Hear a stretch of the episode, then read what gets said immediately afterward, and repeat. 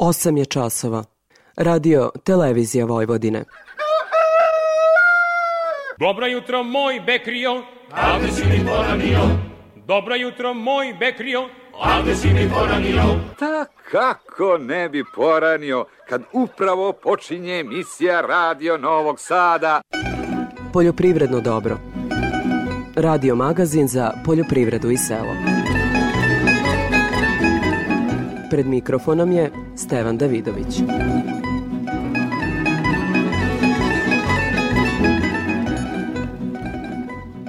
Dobro jutro. Izuzetno jaka suša značajno će umanjiti rod svih prolećnih ratarskih kultura. Sada je sigurno da ni eventualna kiša neće promeniti situaciju. Rod će dakle biti umanjen i kod kukuruza, soje i suncokreta. Međutim, padavina i vlaga dobro bi došle za pripremu zemljišta za narednu setvu. To nam potvrđuje i savetodavac u Zrenjaninskoj poljoprivrednoj stanici Zorica Rajačić. Evo, nadamo se uvek nekim padavinama, bez obzira što e, neće imati utice više na prinos ovih prolećnih useva sada, ali može da doprinese e, lakšoj i boljoj obradi zemljišta za zasnivanje nove proizvodnje, zasnivanje novih useva. August je mesec kada se zemljište već priprema za setvu uljane repice, početkom septembra se već počinje, e, trenutno zemljište ne može ni da se priprema zima i e, bez kiše e, će izostati ta dobra kvalitetna priprema zemljišta. Pčelari nakon niza loših proizvodnih godina imaju dobru sezonu i pune košnice meda. Međutim, i njih pogađa suša kao i neizvesnost zbog mogućih požara. O tome govorimo u temi emisije.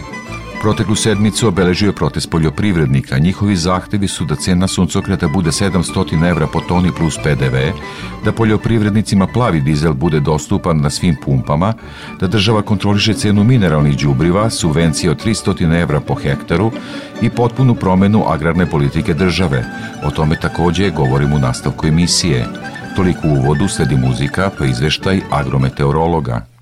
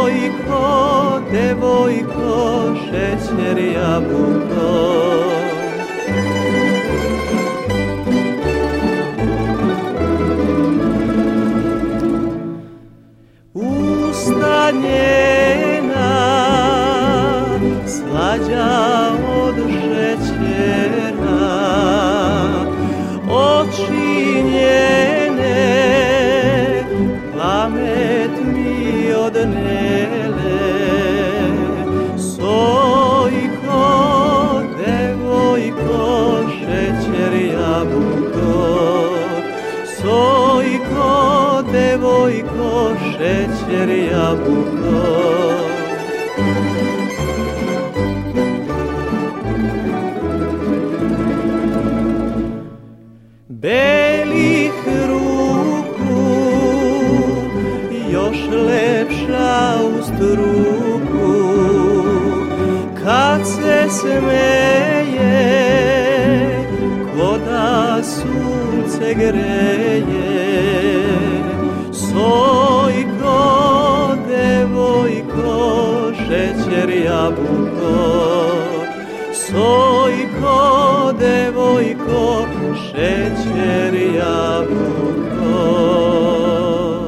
Poljoprivredno dobro. Radio Novi Sad.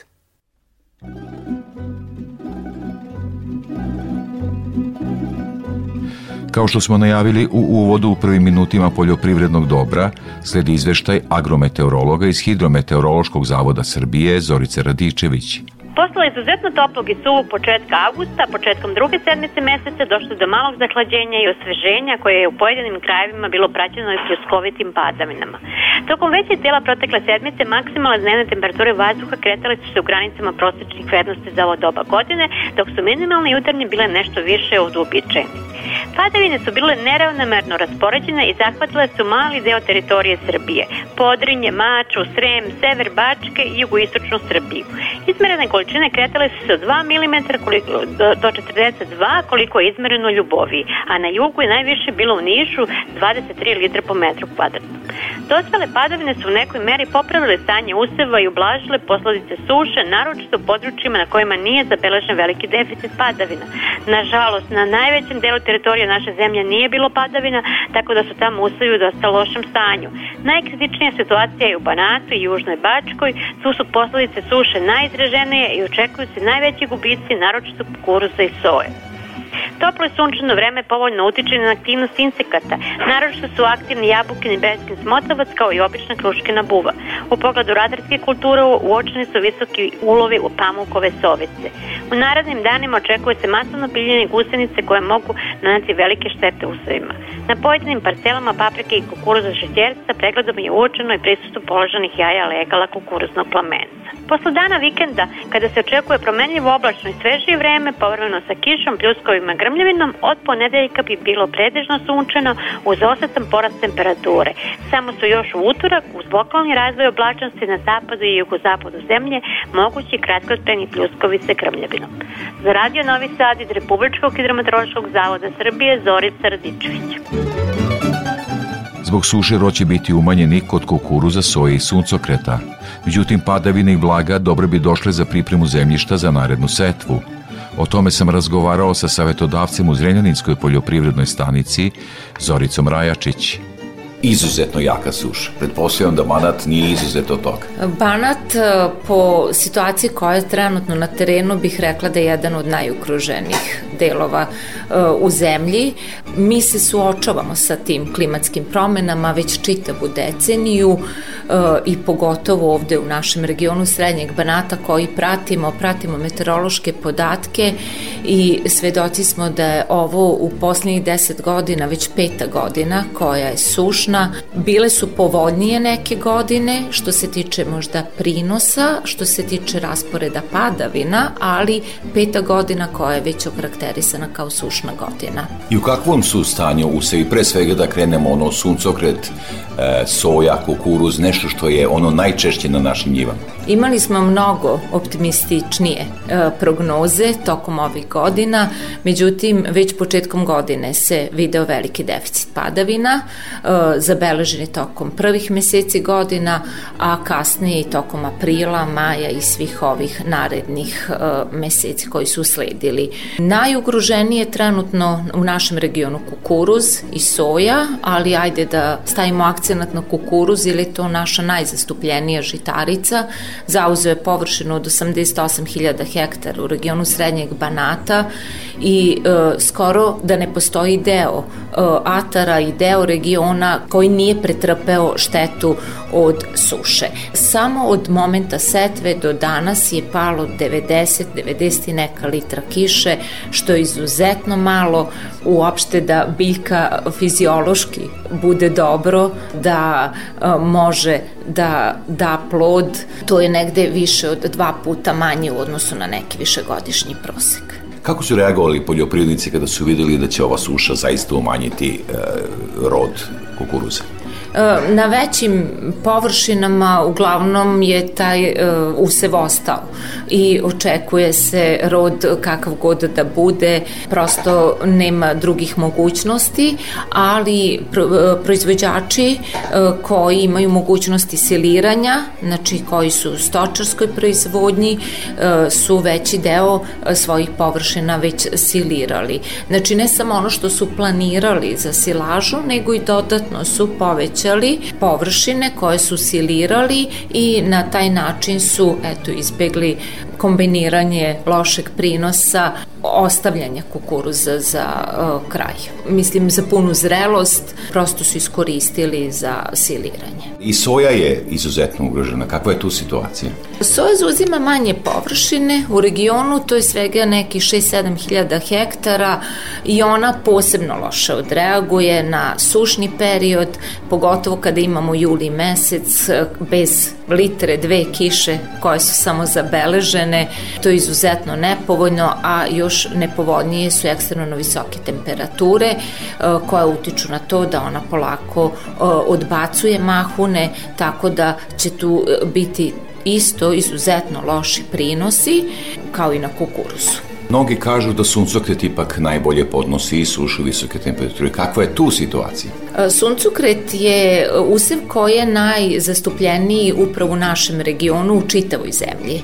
Znači mi imamo površinu od 43.000 hektara pod suncokretom i to je najveća površina u čitavoj zemlji i tačno je da on e, je i ove godine malo bolje odreagovao i da tu možemo da se nadamo bar nekim prinosima.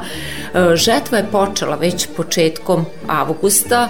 Ti prvi otkusi koji su Uglavnom je to suncukret na višim terenima gde je uticaj suše učinio svoje i nedostatak svakako padavina i tu su izuzetno loši prinosi, ali evo za sada se prinosi kreću negde od 1700-800 do 3 tone po hektaru.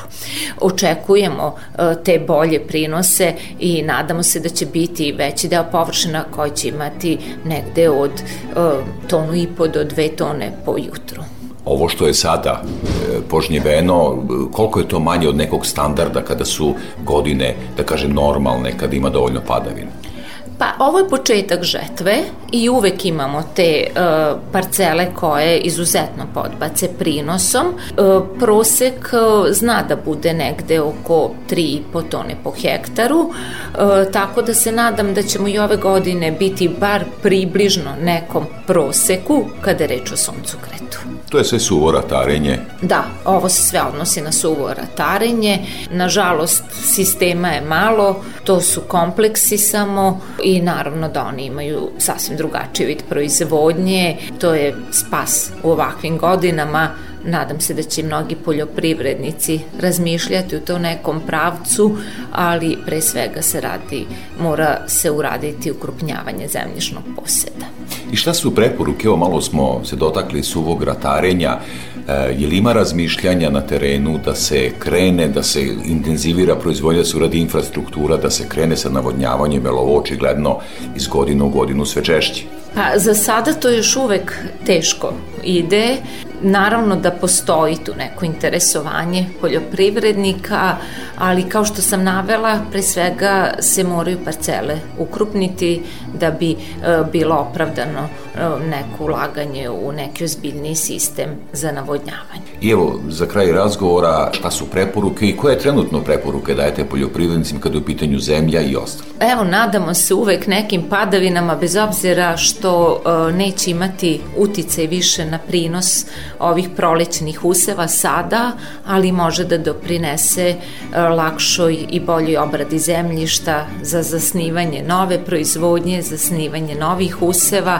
August je mesec kada se zemljište već priprema za setvu uljane repice, početkom septembra se već počinje, e, trenutno zemljište ne može ni da se priprema i e, bez kiše će izostati ta dobra kvalitetna priprema zemljišta. Znači jedino padavine mogu da doprinesu uh, eto, planiranju i zasnivanju neke nove proizvodnje, opet uljana repica, ječam, ozim i pšenica uh, su usevi koji imaju tu osobinu ozimosti, koji pro, prođu kroz taj zimski period, pa da kažem izbegnu malo možda nedostatak e, padavina, uvek se nadamo da će biti više padavina tokom jesenjeg zimskog perioda nego tokom proleća i leta i svakako izbegnu visoke temperature. Tako da ljudi e, razmišljaju da seju te ozime useve, ali trenutno situacija je izuzetno nepovoljna što se tiče i planiranja i obrade zemljišta. stručnjak u Zrenjaninskoj poljoprivrednoj stanici Zorica Rajačić. Veliko vam hvala za ovaj razgovor i učešću u programu Radio Novog Sada. Prelazimo na zaštitu bilja. Iz prognozno izveštene službe javlja se stručnjak u toj oblasti Boško Jezerkić u povrtarstvu aktualne zaštite od pamukove suvice. Ovo je izrazito polifagna štetočina i hrani se sa preko 250 biljnih vrsta, među kojima i veliki broj poljoprivrednih kultura. Pregledima useva uvečno je prisutu jajate štetočine, a na pojedinim parcelama procenat biljaka sa jajima kreći se čak i do 80%. Trenutno su najugroženiji usevi paprike, paradajza, postane boranije i kukuruza šećerca. S obzirom da je različit nivo prisustva pamukove sovice po lokalitetima i usevima, Proizvođačima se preporučuje pregled useva na prisustvo jate štetočine i ukoliko se uoči njihovo prisustvo primjena nekog od registrovanih insekticida. Na feromonskim klopkama koje su postavljene useve krompira belaže se stalni ulovi odrasih jedike krompirovog muljca. Dosta useva krompira je do sada i povađeno, međutim tamo gde vađenje krtola još nije sprovedeno, postoji rizik od nastanka šteta od krompirovog muljca. Sa ciljem zaštite krtola preporučuje se sve raspoložive mere kontrole.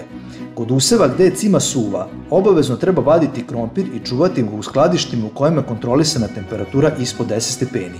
Skladište krompira treba da su na svim otvorima obezbeđena gustim mrežama kako bi se sprečio ulazak odrasih jedinki mojca krompira i dalji njegov razvoj u skladištu. Krtole krompira nakon vađenja ne treba ostavljati na parcelama i u dvorištima, već ih unositi u skladišta kako ne bi direktno bile izložene napadu mojca. U usima gde cima još uvek nije propala, preporučuje se održavanje kompaktnosti zemljišta navodnjavanjem kako bi se sprečilo stvaranje pukotine i zaštite, zaštitile krtole pod zemljom. U ovim usima gde se knopir neće uskoro vaditi, preporučuju se hemijske mere zaštite primjenom nekog od registrovanih insekticida. U voćarstvu trenutno je aktivna zaštita od jabukinog, breskinog i šivinog smotaca. S obzirom da je prostala berba kasnosasnog sortimenta bresaka i šljiva, breskin i šljivni smotavac u nedostatku biljaka domaćina štete mogu da napravi u zasadima jabuka i dunja. Sa ciljem sprečavanja njihovih larvi da se ubuše u plodoje voća, preporučuje se primjena nekog od registrovanih insekticida. U zasadima jabuka otpočele beba letnjih sorti, dok se srednje stasne i kasnostasne sorte nalaze u različitim fazama razvoja i sazrevanja plodova. U fazama sazrevanja plodovi jabuke su podložni infekciji patogenim prozrokovačima različitih vrsta trugleža, te se sa ciljem njihove zaštite i sprečavanja pojave trugleža u skladištima preporučuje primjena nekog od registrovanih fungicida za tu namenu. S obzirom da je u toku berba pojedinih poljoprivrednih kultura, prilikom hemijskih mera zaštite obavezno treba voditi računa o karenciji primjenih preparata, koja predstavlja vreme koje je potrebno da prođe od poslednje primjene pesticida sve do berbe. Iz prognoze izveštene službe zaštite bilja Boško Jezekić. O trgovanju na Novosadskoj produktnoj berzi izveštava Maša Arsić.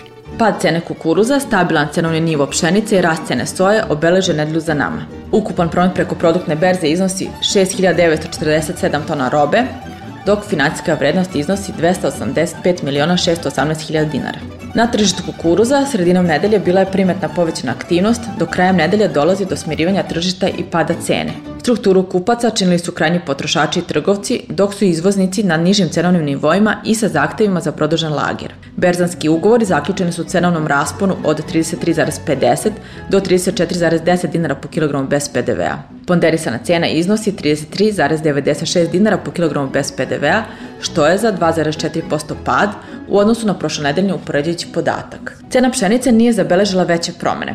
Početkom nedelje ponuda bila nešto veća, da bi kako je nedelja odmicala ponuda bivala manja. Najveća tražnja bila je za pšenicom sa 12% proteina, dok kvalitetnija pšenica nije lako nalazila kupce.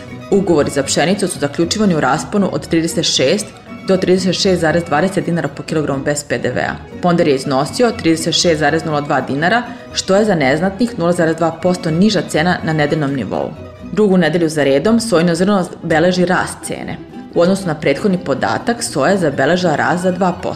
Na ovakav cenovni trend uticala je povećana tražnja od strane domaćih prerađivača i trgovaca i slabija ponuda sa druge strane. Ugovori su zaključeni u cenovnom opsegu od 80,50 dinara po kilogramu bez PDV-a do 81 dinar po kilogramu bez PDV-a uz obročan kvaliteta sa jasnom tendencijom rasta cene. Ponder je iznosio 80,67 dinara po kilogramu bez PDV-a. Suncokretovom sačmom sa 33% proteina prometovalo se po ceni od 31,50 dinara po kilogramu bez PDV-a. Stočnim ječmom trgovalo se u zavisnosti od parametara kvaliteta od 33,30 do 33,50 dinara po kilogramu bez PDV-a. U odnosu na prethodnu nedelju beleži se pad cene. Početak žetve novog roda suncokreta karakteriše puno neizvesnosti oko visine prinose i otkupne cene istog. Trenutna tržišna cena kreće se od 480 do 500 eura po toni. Sa produktne berze Maša Arsić. Kao i svake nedelje pratimo izveštaj o cenama sa tržišta žive stoke. Iz Infotim Logistike Borka Lasković. U nedelji za nama prisutan trend rasta u oglašenim cenama ponude svinja i prasadi na domaćem tržištu Srbije, a trend pada cena ponude i dogovora za jagnjad na paritetu Raškog okruga saznajemo od saradnika. Očekivao se veći rast nivoa cena plaćanja svinja jer je tražnja mnogo veća od operativne ponude, te su prodavci pokušali ponudu za tovne svinje sa farme po ceni od 270 do 280 dinara po kilogramu, tovljenika sa mini farme po ceni od 245 do 270 dinara po kilogramu, a tovljenika iz otkupa po ceni od 245 do 255 dinara po kilogramu. Pregovori su okončani za farmske svinje od 260 do 270 dinara po kilogramu krajem nedelje.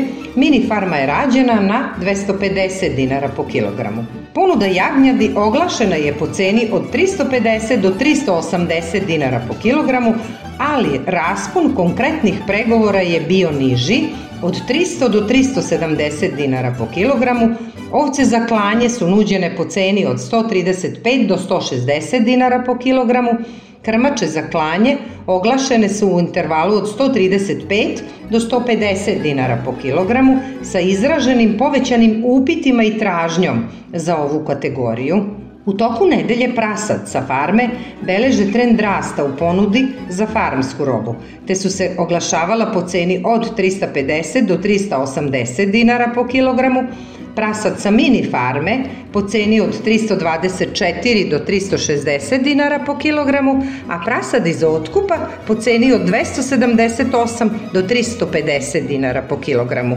Operativna ponuda prasadi nastavlja sa manjom nedovoljnom ponudom, dok je tražnja mnogo veća, što ostavlja prostora za dalji rast cena ovih kategorija. Oglašene ponude bikova su u nivou prošlonedeljnih cena koje se kreću za Holstein u intervalu od 330 do 340 dinara po kilogramu, Bikovi simental po ceni od 345 do 360 dinara po kilogramu, a trgovanja su se dešavala na paritetu Srema, Mačve, Raške u rasponu nuđenih cena. Cene su izražene bez PDV-a za Radio Novi Sad, Borka Lasković iz Infotim Logistike.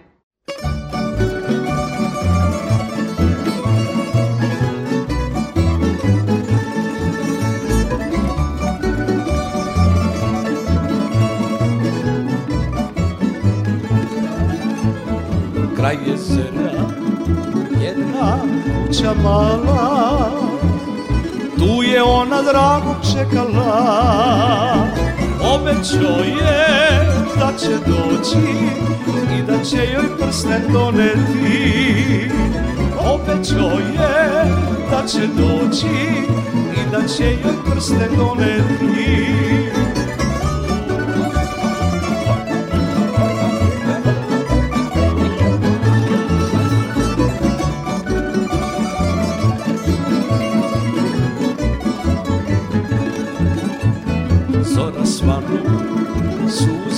više nema.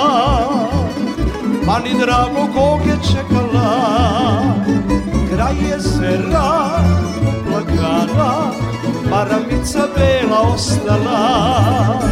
Kraj jezera plakala Maramica samo ostala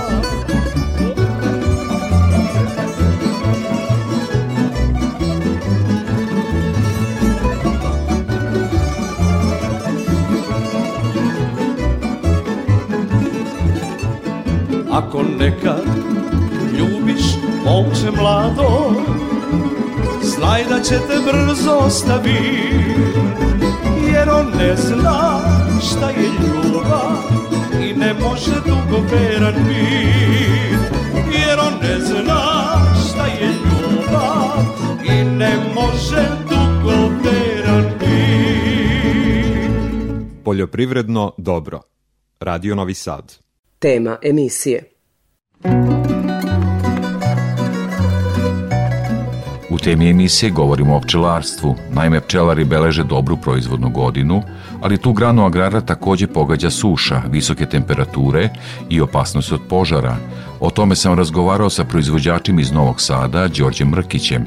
Evo, Đorđe, biljna proizvodnja ugrožena, žale se poljoprivrednici, ratarstvo pre svega, suvo ratarenje. Kako je u pčelarstvu? Zavisi koji period godine sada ocenjujemo. Ako gledamo ono što je iza nas, godina je bila, bar iz mog ugla pčelarskog, izuzetno dobra. Sećam se i nekih mnogo boljih godina, međutim, zadnjih godina smo imali niz pogubnih, teških godina. Mnogi pčelari su već e, počeli da na neki način se plaše da nikad više nećemo imati mednih godina. Međutim, ova je demantovala taj naš strah i to je možda i najveća vrednost da, da se probudila neka nova nada da, da imamo šanse u budućnosti. Međutim, sad smo ušli kao i ratari u jedan vrlo, vrlo težak period kada je izuzetna suša koja sa sobom nosi niz problema, pre svega pčelarstvo u ovom periodu godine jednom osetljivom dobu kada se pčele spremaju za zimovanje, kada treba da se odneguju generacije mladih, dugoživećih zimskih pčela koje treba da prenesu život u sledeću sezonu, a za to nam treba obilje polena i što više nektara ili uh, prirodne hrane. Nektar do nekle možemo i da nadomestimo sa prihranom šećernim sirupom, ali za polen nema zamene, a nažalost pod ovakvim uslovima vremenskim, kada je sve izgorilo, pčele nemaju gde da ga nađu. Ili to što nađu to su vrlo, vrlo male količine. S druge strane, ova suša koja je osušila travu, sve vidite i sami da požari su na sve strane, nosi ogroman rizik, naši pčelinjaci su u prirodi na livadama, znači na, na, na podlogi koja je sada bure baruta. I veliki je strah sigurno velikog broja pčelara da, da se ne desi neka nesreća, da ne ostanemo bez pčelinjaka zbog ove suše, a kiša bi nam rešila sve probleme. Evo, najavljena je bila, ali hode kao oko Kragujevca. Nekako nas mimo ilazi. Sve vreme, ovo, ja ne znam već, dug period. Dobre paše, meda ima, u kakvoj su kondiciji pčele? Pa moj utisak je da još uvek se većina društava dobro drži, ovaj, mada nedostatak vode je veliki problem. Nažalost, mi gledamo da nađemo lokacije za pčelinjake gde ima nekih tekućih voda i ne znam. Ima lokacije gde nema takvih uslova, pa moraju da se postavljaju pojila i, i da se poje pčele. Međutim, na Fruškoj gori potoci presušiše i još malo izgubit ćemo i Dunav, čini mi se kako je krenulo. Možda da se kratko osvrnemo na paše koje su najbitnije za naše pčelare, bagrem, suncokret, lipa. Sad ako treba da, da, da podvučemo crtu, da sumiramo ovu godinu, zadovoljavajuće. Bagrem nije medio na svim lokacijama, kako ume, ali je bilo terena gde je izuzetno medio i sa pomeranjima sa seobama je moglo da se uzme pristojna količina bagrema. Lipa izuzetno medila ove godine. Davno ovaj, nije ovako kao ove godine, čak moglo i bolje, nama je recimo jedan dobar deo Fruške gore, onaj vruć vetar koji je duno ovaj, krajem medenja ovaj, lipe, skratio jedno 5-6 dana, znači moglo da bude i, i bolje. Što se tiče suncokreta, bez obzira na sušu, veliki broj terena je dao pristojne količine meda. Kad ima dosta meda ili bilo kog proizvoda iz agrara, obično tržište odgovori manjom cenom. Hoće tako biti i sa medom? Nažalost, čini mi se da se stvari kreću u tom pravcu. Letnji je period, godišnji odmor i još uvek med nije roba koja se traži. Čekamo septembar pa ćemo videti da li će biti takav odgovor. S obzirom na nestašicu razno raznih hrana, a, mi se nadamo da bi trebao da se održi neki cenovni nivo, pa čak i gledajući na inpute koje mi koristimo, svi su otišli gotovo 100%. Bilo bi logično da cena ide nagore iz našeg ugla, međutim tržište će dati svoj sud na kraju. Sad već kad smo kod tržišta, prodaje ima, e, da možda razdvojimo na malo i na veliko, kakva je potražnja za domaće tržište, kakva za izvoz? Tržište meda nije se otvorilo da tako kažemo na pravi način. Očekujemo to tek septembar, oktobar da će krenuti tražnja. E sad, kad počnu da se ugovaraju ozbiljne količine za izvoz, tad ćemo znati šta je mogućnost formiranja cene, ko, koji nivo ove cene može da se formira. Što se tiče domaćeg tržišta, ovde je standardna neka potrošnja, nema tu nekih velikih promena. Mislim da smo siromašno tržište, da naš narod ne zna da ceni pravu vrednost meda. S druge strane, mi još uvek imamo pojave falsifikata ili onih medova koji ne odgovaraju kvalitetu, tako da to sve utiče negde na cenu. Cena bi trebala po meni da je mnogo veća nego što zaista jeste, ali držimo se na nekom nivou. Dakle, klimatske promene su tu, sve je toplije. Kako se to na pčele odražava i kakva je ekologija uopšte kada je hemija u pitanju? Manje je vode, pa je sve nekako jači koncentrat. Kakva je vaša procena? Što se tiče uh, ugroženosti hemijom, ona je zadnjih godina ogromna. Nažalost, mnogi ne reaguju na signale koje nam pčele šalju. Pčela je sve više ugrožena, sve ih je manje. Uh, Ono što je najučljivije je da mi ne možemo da postignemo nivo razvoja pčelinjih zajednica kakav smo nekad imali, iako imamo i bolju genetiku, bolje matice, više legla u košnici, ali broj živih pčela se smanjuje. Smanjuje se zato što je životni vek radilica skraćen baš zbog uticaja okruženja, odnosno otrova koji nas okružuju. Mislim da kod nas neopravdano se koristi enormna količina hemije i vezano za poljoprivredu koristeći pesticide, ali i koristeći masu biocida za uništavanje nazovi štetnih insekata. Međutim, otrov ne razlikuje štetne i korisne, tako da se u velikoj meri uništavaju i korisni insekti kojih je ve, jako veliki broj. Nije samo medonosna pčela koristan insekat, ali nažalost mi uništavamo sve to po nas. Vi se sem proizvodnje meda bavite i proizvodnjom matica, kako tu stvari stoje?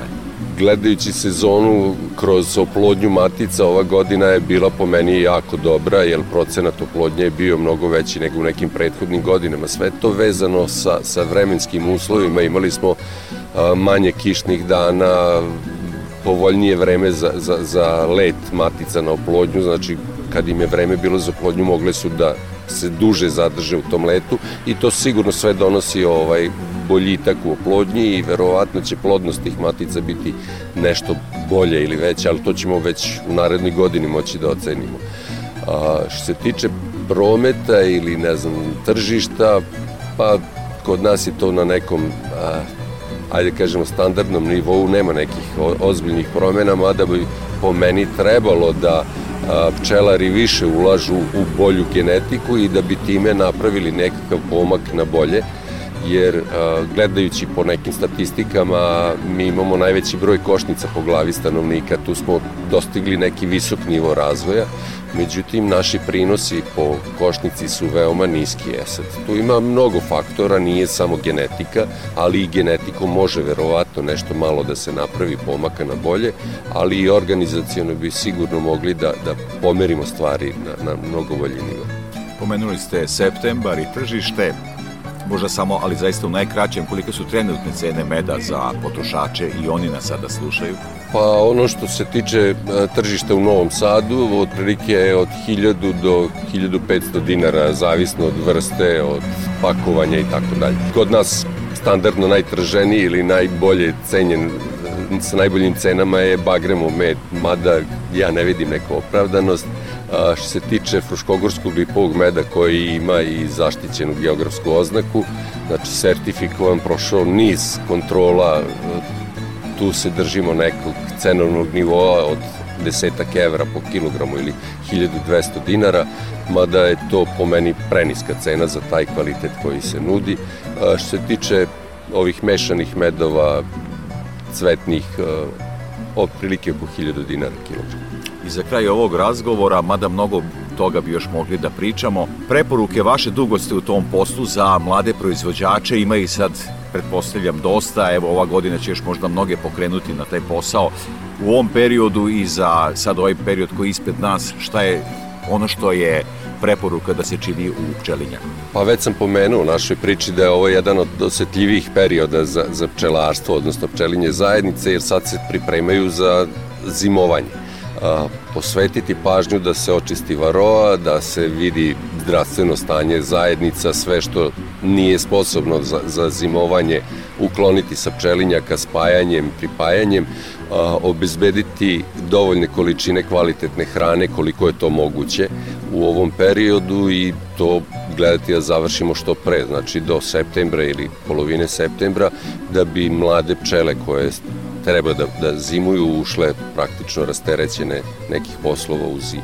Đorđe Mrkić, pčelar iz Novog Sada, veliko vam hvala za razgovor i učešću u programu Radio Novog Sada. Hvala vama za interesovanje za pčelarstvo.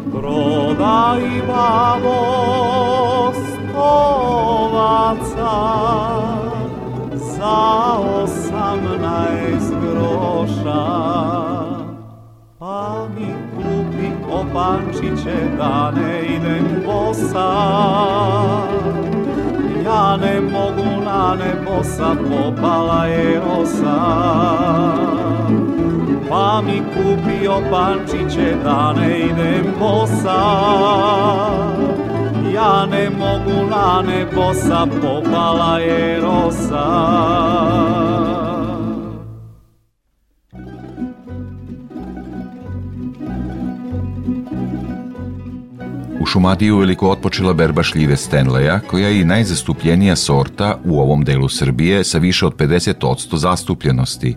U odnosu na prošlu godinu prinos je veći, međutim voćari nisu zadovoljni cenom, koja trenutno iznosi 35 dinara. Ana Rebić, Na imanju porodice Maksimović u selu Čumić kod Kragujevca obrane šljive sorte Stanley pakuju se i spremaju za izvoz u Nemačku. Dušan Maksimović nastavio je višedecenijsku proizvodnju voća i trenutno ima 22 hektara šljive u punom rodu. Iako je rod bolji nego prošle godine, cena šljive je niža i trenutno je 35 dinara. Već šesta, sedma godina slagaćemo kako ide to izvoz. Do sada smo guramo nekako, nije neka cena ove godine, ali idemo, šta ćemo, samo da važno je da ide roba, da ne ostane na drvetu. da se uklapamo, ne možda gledamo uklapanja. Ali e, gore kad ne ostane na grani i nema nikakvi dinar, što kaže. Seljak je u teškoj situaciji. Otišlo je džubrivo, otišla je nafta, sve je otišlo, na dnevnice su poskupele, ali mora da se borimo. Što se roda tiče u našem kraju ovde, u Čumić i okolina, bilo je zadovoljavajuće. Zadovoljavajuće, dosta je rodilo. Malo imamo problema sa sušom, ali to je od Boga što se kaže i malo je sitnija roba, ali ide i snalazimo se. Prinos koliki je bio? Ove godine će biti prinos dobar, oko 30 tona po hektaru će biti prinos Stanleya. Sigurno tržište i redovan izvoz Maksimoviću su obezbedili ulaganjem u infrastrukturu same proizvodnje, pa su dostigli i visoke standarde koje zahtevaju zemlje Evropske unije. Traže se standardi, mora da se ima Global Cup, e, standard zdra, e, zdravog prskanja, što hoću da ja kažem, da nema ostatka pesticida, ide pakovanje u kako kupac zahteva. Ima gajbicu drvenu, ima u kartone, kesice, tu su radnici, pakujemo, kvalitetna šljiva ide da ne bi bilo problema za dalje. Kad krene berba, to se kaže od 1. jula do 1. u septembra radimo šljivu za konzum, a posle ide sušenje, imamo sušaru svoju i ide sušenje. Do 1. oktobra je proizvodnja šljive. Kada su agrometeorološki uslovi u pitanju, toplotni talas i suša dugo traju. To je u pojedinim voćacima uticalo na veličinu ploda, pa stručaci za voćarstvo, poput Danka Petrovića, preporučuju da, ko može od proizvođača, uvede navodnjavanje.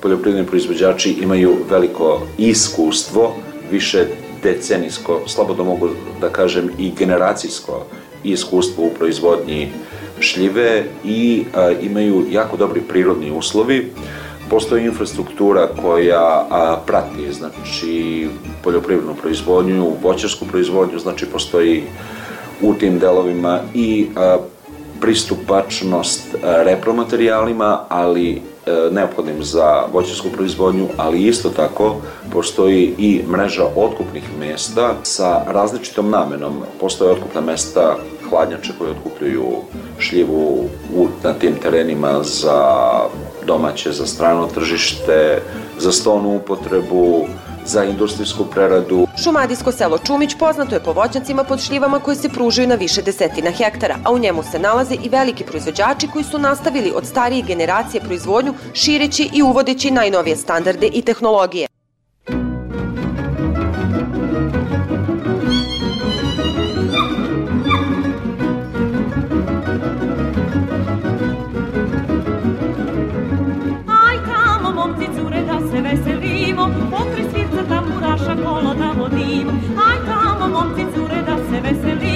Pokri svica tamburaša kolo da vodim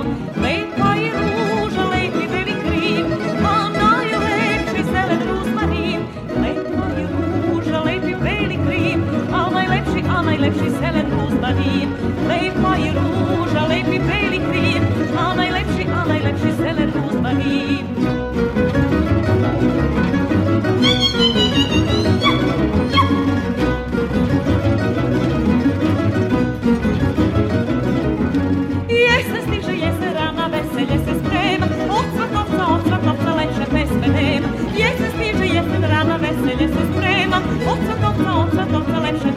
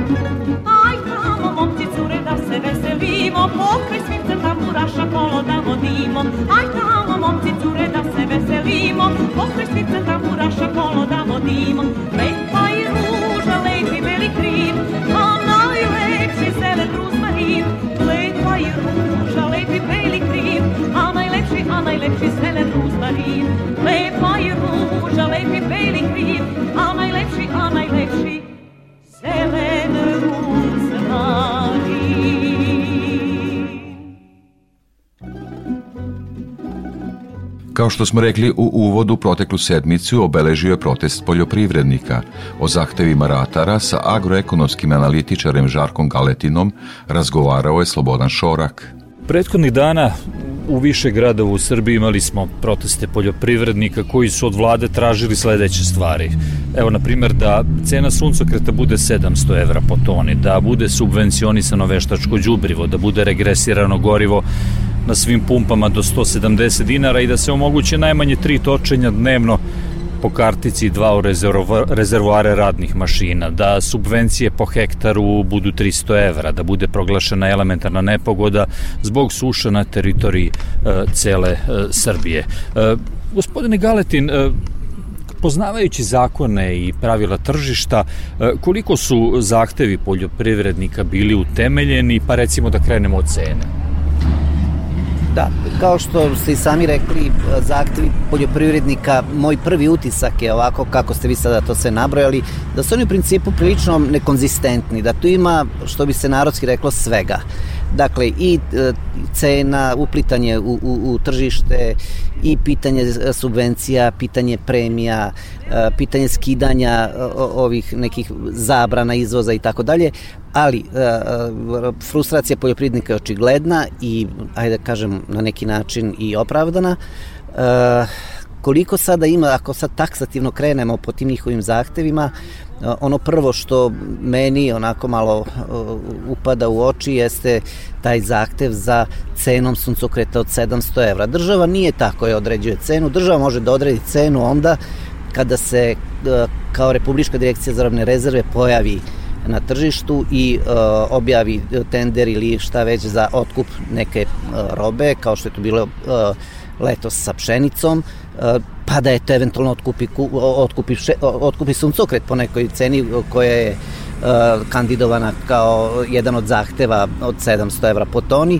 Ja lično ne verujem da će se to desiti, tim pre što suncokret nije roba koja trpi dugo skladištenje i dugi lager, ali u svakom slučaju država bi to eventualno mogla da bude ajde da kažem, neki dobar domaćin i posrednik u nekom, a, nekom partnerskom dogovoru između otkupljivača, odnosno uljara i proizvođača.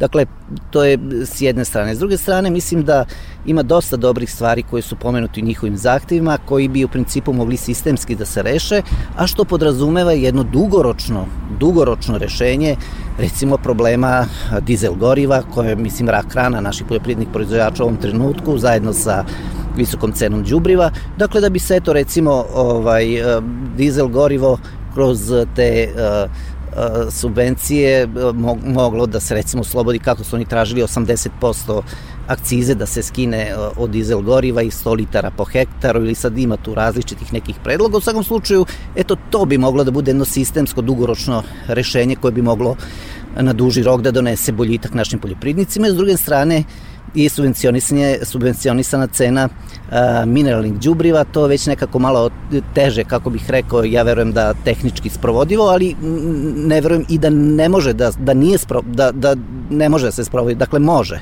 Sve u svemu, e, zahtevi su opravdani mislim da država trenutno plaća ceh svom prevelikom uplitanju u tržište, što smo imali, evo, da kažem, već od tamo negde novembra prošle godine, kada su krenule one mere zamrzavanja osnovnih, osnovnih prehrambenih proizvoda zabrane preko, izvoza. preko zabrane izvoza od 10. marta ove godine, pa zatim kvotiranja tih količina. Dakle, i, i, i da bi eto sve na, na kraju se završilo do uh, toga da je država čak ušla toliko duboko zagazila u tržište da je da određuje, maksimizira cene nekih osnovnih poljoprivrednih proizvoda i što definitivno narušava dakle tu neku tržišnu logiku jednog reprodukcionog lanca što bi se ono reklo od njive do trpeze. I kada vam pukne tu jedna karika samo u tom sistemu vama puca ceo sistem. E, imamo pre, evo sada ću odmah navesti primer naših tovljača koji su e, jedva dočekali da tako kažem neku bolju cenu koja se desila negde s početkom jula meseca kada su tovljenici koštali 270, 260, 280 dinara po kilogramu što je njima bilo u tom trenutku jedna dobra, dobra cena za razliku od niza prethodnih meseci kada su oni praktično proizvodili gubitak i u tom trenutku država donosi, zamrzava cene svinskog buta, plećke i tako dalje i naravno odgovor otkupljivača, klanice bila tada su ispustili otkupnu mm -hmm. cenu tovljenika. Dakle, pre, previše uplitanja države u, u tržište uh, ne može dobro završiti. Dakle, zabrana izvoza je i tekako uticala na celu ovu priču. Šta generalno mislite o takvim merama, pogotovo u ovim sadašnjim geopolitičkim okolnostima? Da li imate razumevanja za takvu meru ili mislite da je možda ipak trebalo prepustiti tržištu? Ja imam razumevanja za takvu meru, možda će sad biti malo kontradiktorno s obzirom na ovo što sam malo pre govorio, imam razumevanja, e, ali u granicama dok je to potrebno i neophodno. Dakle, s početka marta je definitivno primećeno jedan naglo povećanje izvoza i odliva naših robe u napolje, u inostranstvo, E, razlozi, razlozi su bili poznati, dakle rusko-ukrajinski sukob je doveo praktično do prave pometnje na svetskom tržištu i država je u tom momentu odreagovala tako što je zaustavila izvoz, ali ta mera zabrane izvoza nije trebala potre duže, po mom mišljenju nekih nedelju dana, desetak dana eventualno, dakle neki period kada je država trebala da izvrši dobru procenu bilansnih pozicija tih osnovnih poljoprivrednih proizvoda i da napravi jednu dobru projekciju tih bilansa u nekom narednom periodu, ali ne, država je tu meru držala čitavih pet nedelja, e, baš u periodu kada su cene dostigle svoj istorijski pik, istorijski maksimum, zatim su te, cene, te robe otišle na režim kvotiranja i to e, je definitivno poremetilo tržište. Mi smo mogli da e, se ono kolokvijalno kaže da poentiramo na tom svetskom tržištu po tim visokim cenama, jer na kraju krajeva stala je i domaća trgovina, e, izvoznici su u krajnjoj liniji ti koji održavaju likvidnost domaćeg tržišta, koji povećavaju frekventnost domaćeg tržišta, koji drže konjunkturu tržišta pšenice, kukuruza.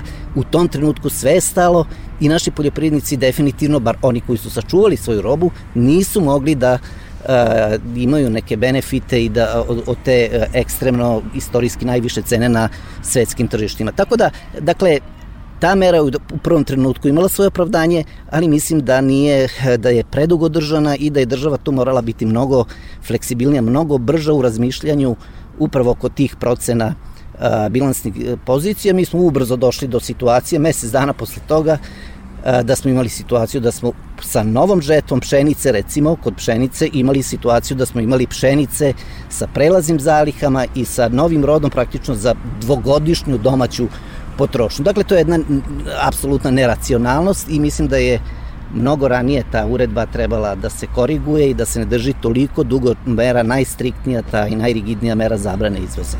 Čini mi se da je veoma važan zahtev da se proglasi elementarna nepogoda u celoj zemlji. Da li ima osnova za taj zahtev i koje bi bile pozitivne posledice takve odluke po poljoprivredne proizvođače? Da, jedan od zahteva jeste da se proglasi elementarna nepogoda. To je stvar tih opštinskih štabova u krajnjoj liniji i procena tih nadležnih organa koji procenjuju da li je ova suša do te mere bila izražena da se donese da se dovede, donese mera elementarne nepogode koja sa sobom nosi neke, neke zaštite, ako mogu tako da kažem, za poljoprivredne proizvođače u smislu prolongiranja kredita, otpisa nekih obaveza, recimo za vodni doprinos, sada već da, da ne licitiram koje bi to mere mogle da budu, ali u svakom slučaju po mehanizmu, po automatizmu donošenje mere proglašenja elementarne nepogode samo po sebi već povlači neke neka oslobađanja od nekih nameta našim poljoprivrednim proizvođačima proizvođačima. E, pa vidite ovako, u svakom slučaju mislim da osnova ima.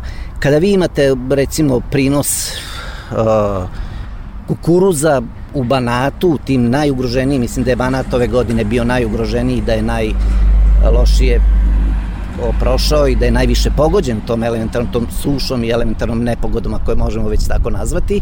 I kada imate situaciju da vam banatski paor ima 2-3 tone po hektaru kukuruza, onda je jasno da su oni proizveli gubitak i to ne svojom voljom, zbog svoje loše agrotehnike, već čisto zbog uh, vremenskih prilika, da ne kažem neprilika, koje su uslovile da se to desi. Tako da mislim da ima osnova i razloga da se traži da država proglasi elementarnu nepogodu u nekim regionima i da na osnovu toga naši poljoprivredni proizvođači uh, budu oslobođeni nekih obaveza.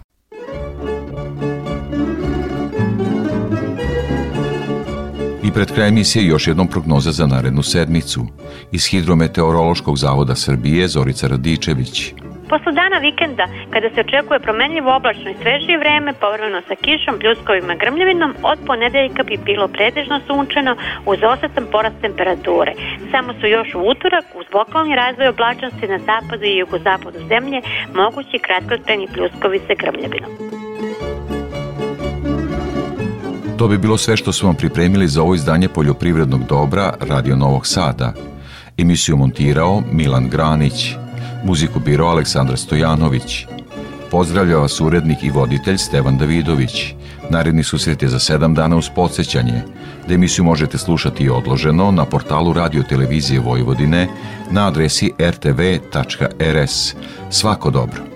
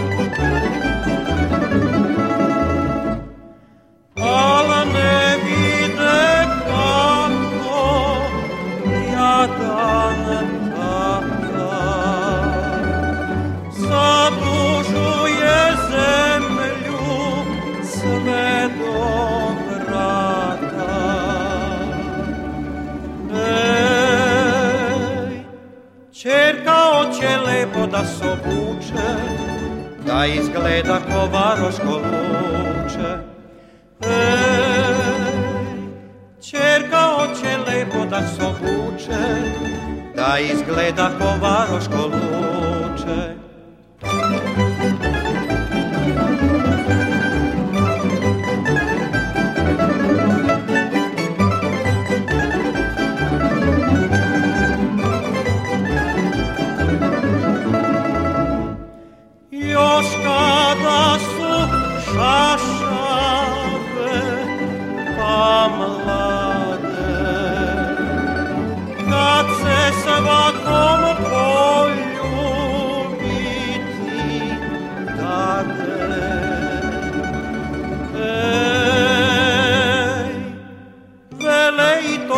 voda u paradu, tako rade u novome sadu. Ej, vele i to spada u paradu, tako rade u novome sadu.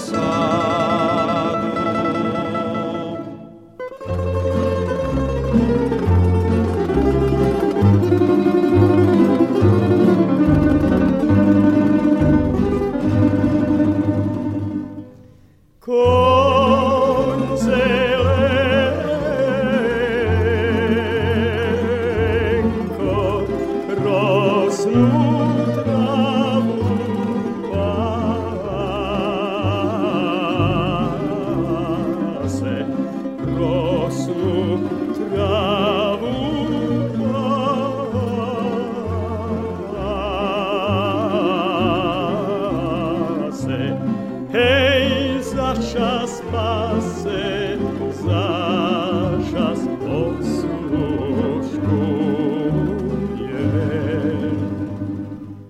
Hej, za čas spase,